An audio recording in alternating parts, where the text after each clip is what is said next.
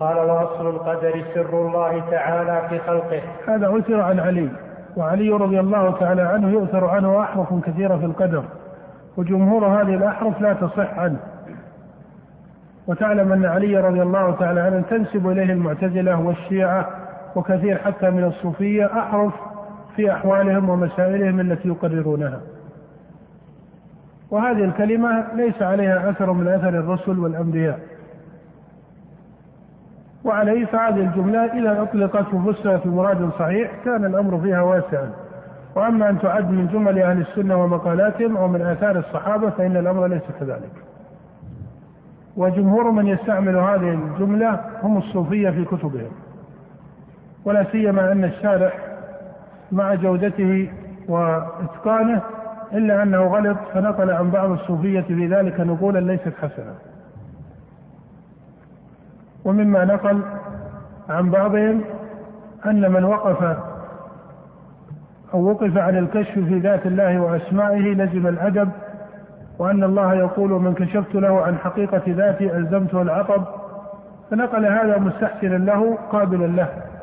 ولا شك أن هذا كله من كلام الصوفية وأغلاطهم بل وترهاتهم. والشارح قد غلط في هذا الموضع في بعض النقلات كما غلط في الجمل الآتية في مسائل الإيمان فقرر فيها تقريرا ليس جيدا كما سيأتي التنبيه إليه. نعم. قال لم يطلع على ذلك ملك مقرب ولا نبي مرسل. مراده لم يطلع على ذلك أي على تمام هذا الأصل وهذا كذلك. فإنه من علم الله سبحانه وتعالى وعلمه لا يحاط به. نعم. قال والتعمق والنظر في ذلك ذريعة الخذلان. أما قوله والتعمق فهي كلمة جيدة لأن التعمق يدل على قدر من الزيادة وهو نوع من الغلو. وقد قال عليه الصلاة والسلام هلك المتنطعون كما في حديث عبد الله في الصحيح. وقال إياكم والغلو في الدين. إلى غير ذلك. فلفظ التعمق لفظ مناسب. في التعبير وأما قوله والنظر فإن النظر ليس مذموما في الشرع. وهو حرف لا يدل على تعد على أمر الله أو دليل الشارع. وإن كان النظر كما تقدم ليس هو أول الواجبات بل ولا يجب على كل أحد. وإنما ذكر الله سبحانه وتعالى النظر في حق من شاب أمره أو توحيده أو معرفته شيء من الإشكال فإنه يؤمر بالاعتبار والنظر حتى يصحح ما عرض له من الإشكال في قوله سبحانه أولم يتفكروا؟ أولم ينظروا إلى غير ذلك. فالنظر ليس مذموما على الإطلاق وليس واجبا على كل أحد فضلا عن أن يقال إنه أول الواجبات. ولهذا قرر شيخ الإسلام رحمه الله أن الأصل في النظر عدم الوجود. ولكن من عرضت له حال لا تصح إلا بالنظر أي لا تزول إلا بالنظر فإن النظر من هذا الوجه يكون واجبا ويكون هنا النظر الشرعي. ويكون المشروع هنا هو النظر الشرعي وفرق بين النظر الشرعي والنظر الذي يذكره علماء الكلام. فإنهم يذكرون النظر على مقدماتهم الكلامية.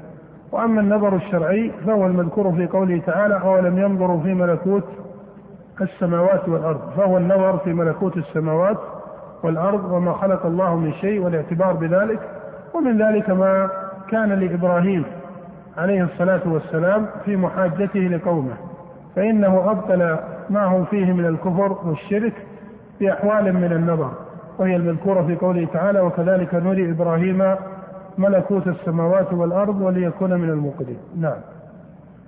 قال وسلم الحرمان ودرجة الطغيان فالحذر كل الحذر من ذلك نظرا وفكرا ووسوسة. أما قوله نظرا فكما تقدم أنها كلمة لو لم يعبر بها لكان أجود فإن النظر في هذا الباب ليس مذموما على الإطلاق وإنما بالغ في ذم النظر في هذا الباب وتكلف فيه كثيرا كثير من الصوفية الذين زعموا أن هذا باب يكشف منه لبعض العارفين إلى غير ذلك. والحق أن الله سبحانه وتعالى بين وصول القدر ووصول العلم في هذا الباب في كتابه وبين ذلك النبي صلى الله عليه وسلم بيانا شرعيا موافقا للعقل وهذه أجوبته صلى الله عليه وسلم في ذلك. وإن كان عليه الصلاة والسلام نهى عن المخاصمة في القدر. ولما خاصمت قريش رسول الله صلى الله عليه وسلم في القدر نزل قوله تعالى إنا كل شيء خلقناه بقدر كما ثبت في الصحيح عن أبي هريرة. والنبي عليه الصلاة والسلام كما في السنن خرج وطائفة من أصحابه يختصمون في القدر. وعليه فقول من قال إن الصحابة خاصموا رسول الله في القدر هذا غلط بالإجماع. بل إنما خاصم رسول الله في القدر هم المشركون. وإذا كان طائفة من الصحابة اختصموا فيما بينهم في بعض مسائل القدر فلا يعني هذا أنهم مخاصمون فيها لرسول الله صلى الله عليه وآله وسلم. ثم أيضا إن مثل هذه الأحوال التي تعرض كاختصام بعض أو كخصومة بعض الصحابة لبعض في القدر هي حال تعرض ليس لأئمة الصحابة كأبي بكر وعمر وعثمان وعلي وإنما هي حال تعرض لبعض من دونهم في الفقه والإمامة والعلم. نعم.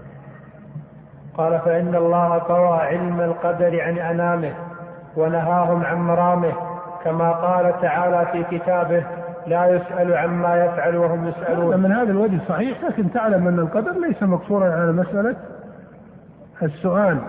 فإن الله سبحانه وتعالى كما ذكر ذلك في كتابه لا يسأل عما يفعل وهم يسألون. لكن ثمة أصول من القدر معلومة.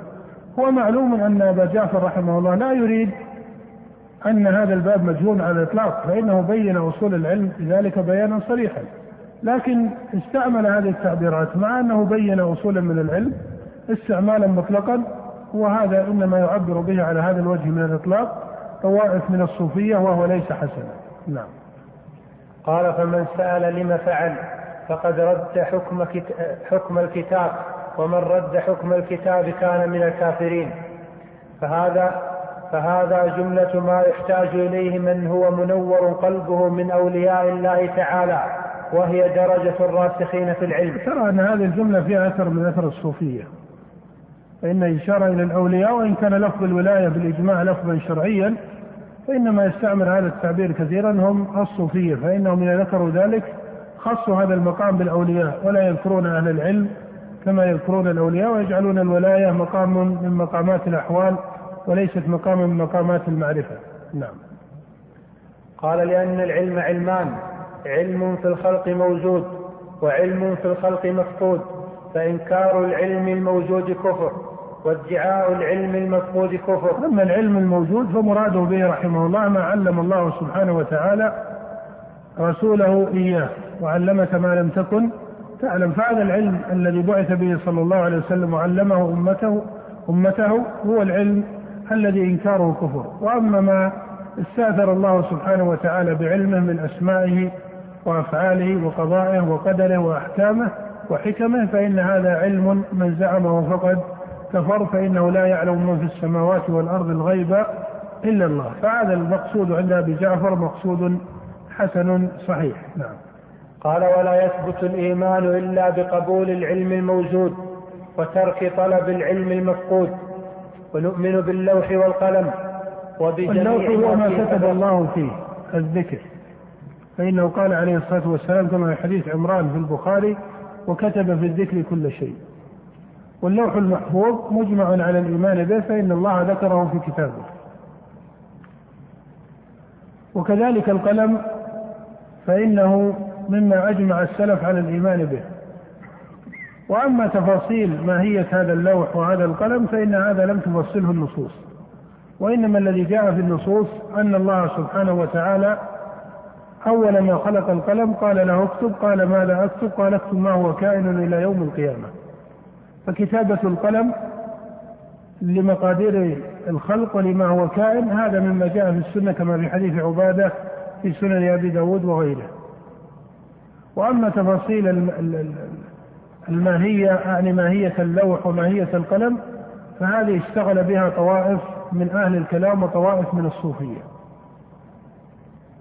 كما ترى في كلام أبي حامد الغزالي لما يتكلم عن معنى اللوح ومعنى القلم فإنه يتكلم بكلام تارة يأخذه عن المتكلمين الذين أخذوا عن الفلاسفة في هذه المسائل وهو أنواع من التأويل والتحريف وتارة يتكلم بطريقة الصوفية.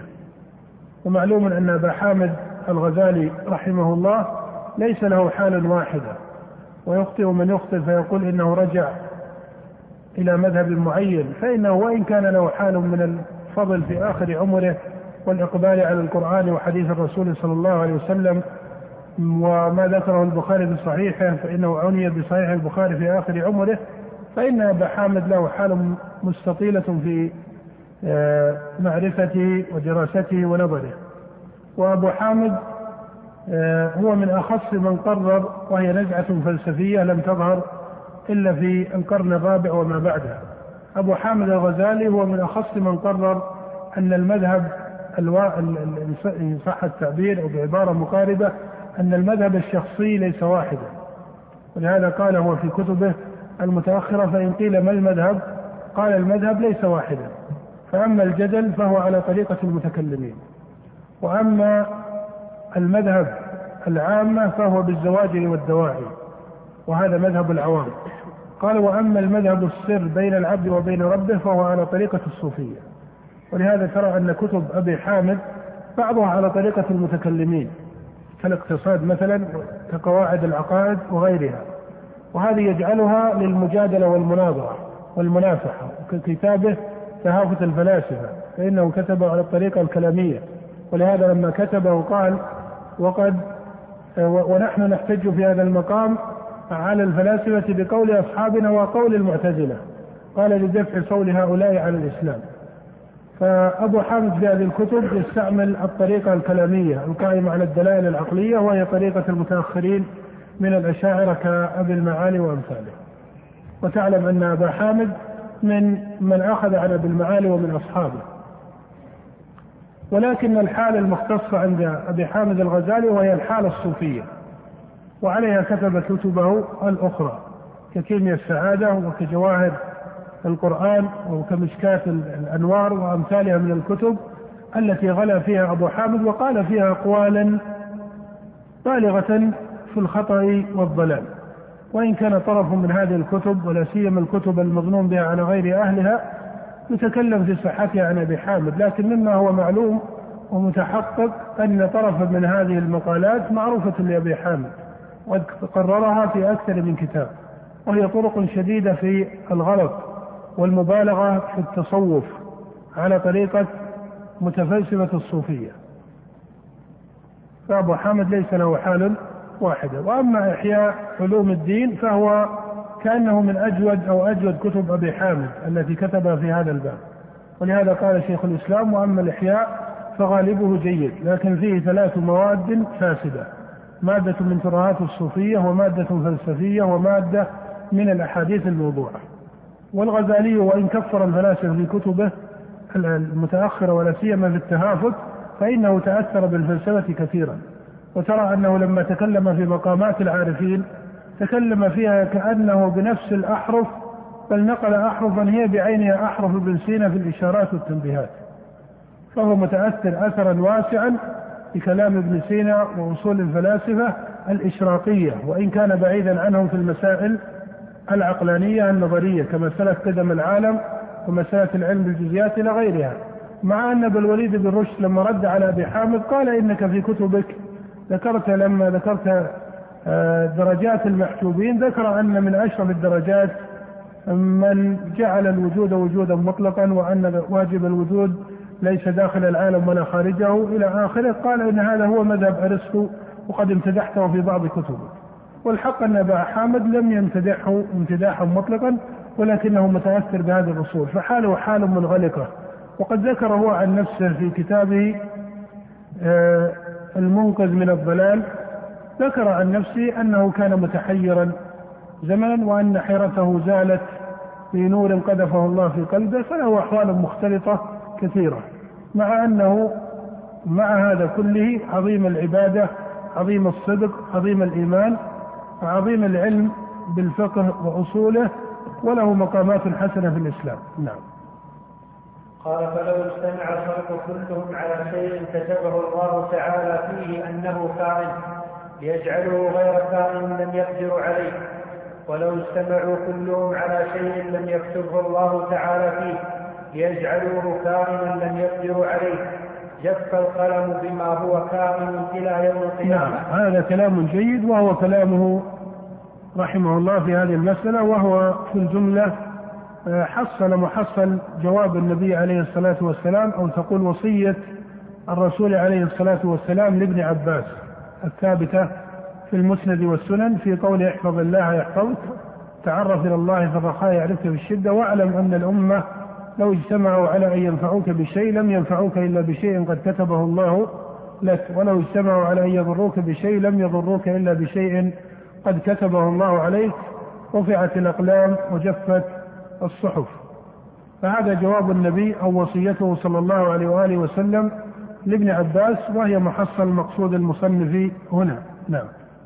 قال وما أخطأ العبد لم يكن ليصيبه وما أصابه لم يكن ليخطئه فإن كل شيء بقدر الله سبحانه وتعالى. نعم. قال وعلى العبد أن يعلم أن الله قد سبق علمه في كل كائن من خلقه. أي أنه علم ما سيكون. وفي وهذا عام في أفعال العباد وغير أفعال العباد. وتقدم أن إنكار هذه الجملة كفر وإلحاد مبين. ومما ينبه إليه أن الشارح رحمه الله في كلامه عن بعض مسائل التكفير أراد أن يبين أن السلف قد يقولون عن قول إنه كفر ولا يلتزمون تكفير. القائل إلا إذا علموا أن الحجة قامت عليه بعينه. وهذا المعنى من حيث الجملة حسن وصحيح. لكنه ضرب له مثالات في مقالات السلف. قال كقولهم إن إن خلق القرآن كفر وإن إنكار الرؤية كفر وأن إنكار علم الله بما سيكون كفر. ولا شك أن ذكر هذه المثالات الثلاثة ليست حسنة. أعني على هذه الحال من الاجتماع. فأما القول بخلق القرآن فهو كذلك. أنه وإن كان كفرا إلا أن قائله لا يكفر ابتداء. وكذلك من أنكر الرؤية فإنه لا يكفر ابتداء وأما من أنكر علم الله بما سيكون وقال إنه لا يعلم الأشياء سواء كانت أفعال العباد أو غير أفعال العباد إلا بعد كونها فهذا لا ينظر فيه بل هو لا شك أنه كافر بالكفر وأعظم من كفر أبي جهل. نعم. قال فقدر ذلك تقديرا محكما مبرما ليس فيه ناقض ولا معقب ولا مزيل ولا مغير ولا ناقص ولا زائد من خلقه في, سما في سماواته وأرضه. وذلك من عقد الإيمان وأصول المعرفة والاعتراف بتوحيد الله تعالى وربوبيته. نعم فإن القدر كما قال ابن عباس وهذا مما صح عنه قال القدر نظام التوحيد والقدر من أخص أصول الإيمان بالله سبحانه وتعالى كما ذكر ذلك الرسول صلى الله عليه وسلم في جوابه. نعم. كما قال تعالى في كتابه وخلق كل شيء فقدره تقديرا. وقال تعالى وكان أمر الله قدرا مقدورا. نعم وقدره سبحانه كما تقدم أنه متعلق بخلقه ومتعلق بأمره. أن قدره متعلق بخلقه ومتعلق بأمره. وكما قال سبحانه ألا له الخلق والأمر. نعم. قال فويل لمن صار لله تعالى في القدر خصيما وأحضر للنظر فيه قلبا سقيما. اول من خاصم ربه في القدر هو إبليس. فإنه قال رب بما أغويتني. فجعل ما حصل من القدر في حقه مخاصمة له سبحانه وتعالى. نعم.